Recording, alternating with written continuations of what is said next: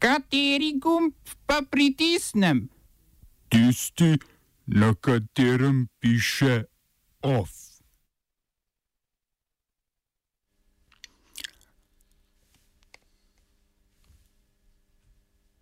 EU Združenim državam Amerike grozi z ukrepi zaradi zakona glede nacionaliziranega premoženja na Kubi.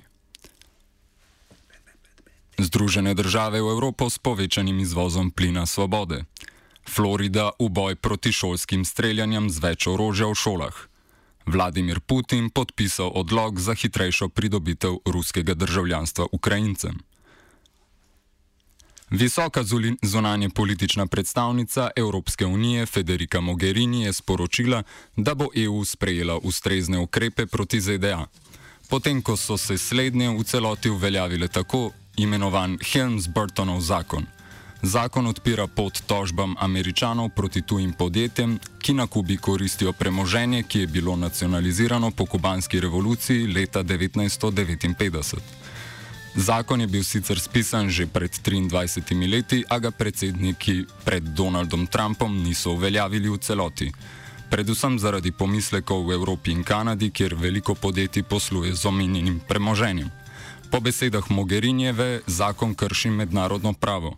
Evropska unija pa bo ukrepe sprejela tudi v odnosu do svojih pravic v okviru Svetovne trgovinske organizacije ter preko uporabe posebnega akta EU, ki omogoča povrnitev škode zaradi ameriških sankcij in izniči učinek tujih sodišč, ki temelijo na teh sankcijah.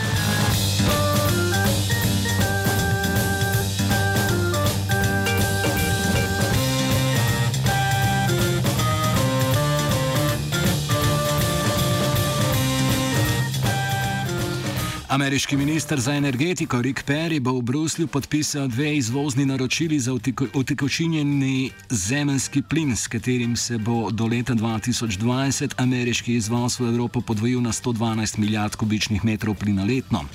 Perry je v nagovoru novinarjev v Bruslju slovil dogovor s še neimenovanimi podjetji in posledično povečano sodelovanje med Združenimi državami in Evropo. Citiramo: Združene države po 75 letih po osvoboditvi izpod nacistične Nemčije ponovno dostavljajo obliko svobode na evropsko celino. Tokrat ne v obliki mladih ameriških vojakov, temveč v obliki utekočinjenega zemljskega plina. Konec citata.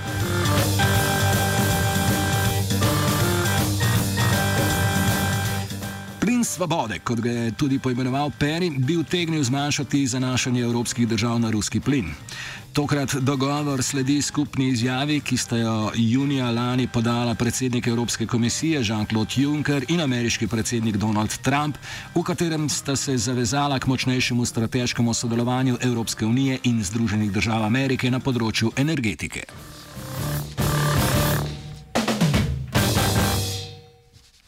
Ameriški pravosodni minister William Barr je napovedal drugi dan pričevanja pred predstavniškim domom, ki bi zadeval njegovo ravnanje pri posebni preiskavi Roberta Mullerja o ruskem umešavanju v ameriške volitve ter Trumpovem oviranju te preiskave. Barr je bil odgovoren za izdajo skrajšane različice Mullerjevega poročila, na podlagi katerega je odbor za pravosodje v predstavniškem domu, ki je večinsko demokratski, podal sodni poziv za pridobitev celotnega poročila.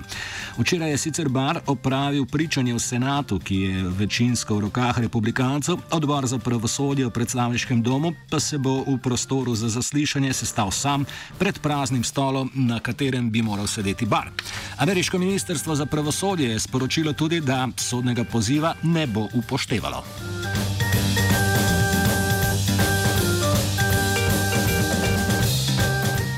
Ostajamo v deželi svobodnih in pogumnih, kjer je Florida postala še 15. zvezdna država, v kateri bodo učitelji v šolah lahko nosili orožje.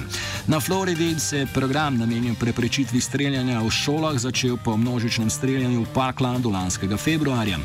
V sklopu programa so lani sprejeli zakon, ki je dovoljeval nošenje orožja nekaterim članom osebja v šolah. Zdaj pa sta Floridski senat in predstavniški dom sprejela tudi zakon, ki šolskim okrajem omogoča, da učitelje prijavijo na usposabljanje, ki bi jim dovoljevalo nositi orožje tudi v učilnicah. V ZDA v boju proti množičnim streljanjem v zadnjih letih vse več zvezdnih držav sprejema podobno zakonodajo. Odločitev, da oborožijo učitelje, je sicer na posameznih šolskih okrajih, ker pa ta teh informacij. Ker pa teh informacij v večini zvezdnih držav niso dolžni sporočiti, nihče ne ve zares, koliko šol se za tak ukrep odloči. Ruski predsednik Vladimir Putin je podpisal odlog, ki bo določenim Ukrajincem omogočil, da bodo lažje prišli do ruskega državljanstva. V prvi vrsti bo novo pravilo veljalo za Ukrajince, ki imajo dovoljenje za prebivanje v Rusiji, prav tako za tiste, ki so bili rojeni na polotoku Krim, a so ga zapustili, preden ga je Rusija leta 2014 aneksirala. Že prejšnji teden je Putin sicer podpisal tudi odlog, po katerem bi pridobitev državljanstva olajšal prebivalcem v separatističnih republikah Donetsk in Lugansk na vzhodu Ukrajine. V odziv na to potezo je podobne ukrepe napovedal tudi novo izvoljeni predsednik Ukrajine Vladimir Zelenski, ki je napovedal, da bo državljanstvo dal posameznikom, ki trpijo pod avtoritarnimi režimi, predvsem pa Rusom.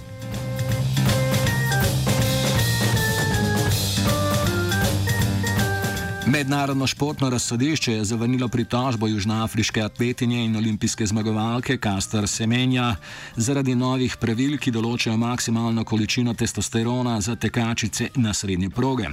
Razsodišče je pravilo Mednarodne atletske zveze sicer označilo za diskriminatorno, a dodalo, da je to vrstna diskriminacija potrebna, da se zaščiti integriteto ženskega teka na srednje proge. Tako imenovano pravilo o hiper, hiperandrogizmu sicer zadeva zgolj določene discipline. Zaradi pomankanja dokazov o prednosti, ki bi jih više ravni testosterona prinašale v teku na daljše proge, naprimer pravilo ne velja za teke na razdalje od 1500 metrov naprej. Okolikor bi atletinje s povišanimi ravni testosterona želele nastopati v disciplinah, za katere to pravilo velja, morajo z jemanjem zdravil predpisano raven vzdrževati vsaj šest mesecev pred tekmovanjem. Novo pravilo bo stopilo v veljavo 8. maja, Južnoafriška atletska zveza zveza pa je napovedala pritožbo.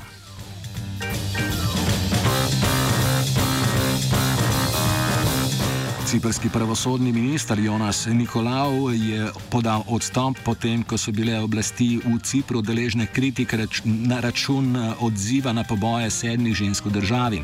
Preiskava o umorih je stekla 14. aprila, čeprav so prve, so prve prijave o pogrešanih žrtvah bile podane že pred tremi leti. Ker so bile med izginulimi ženskami izključno priseljenke, ki so živele na Cipru, so bile ciprske oblasti deležne obtožb o rasizmu. Nikolao je v odstopni izjavi prevzel politično odgovornost in pozval k neodvisni preiskavi, ki bi razkrila luknje v postopkih, ki so dopustile, da primer toliko časa ni bil zaznan. Of je pripravil Jure.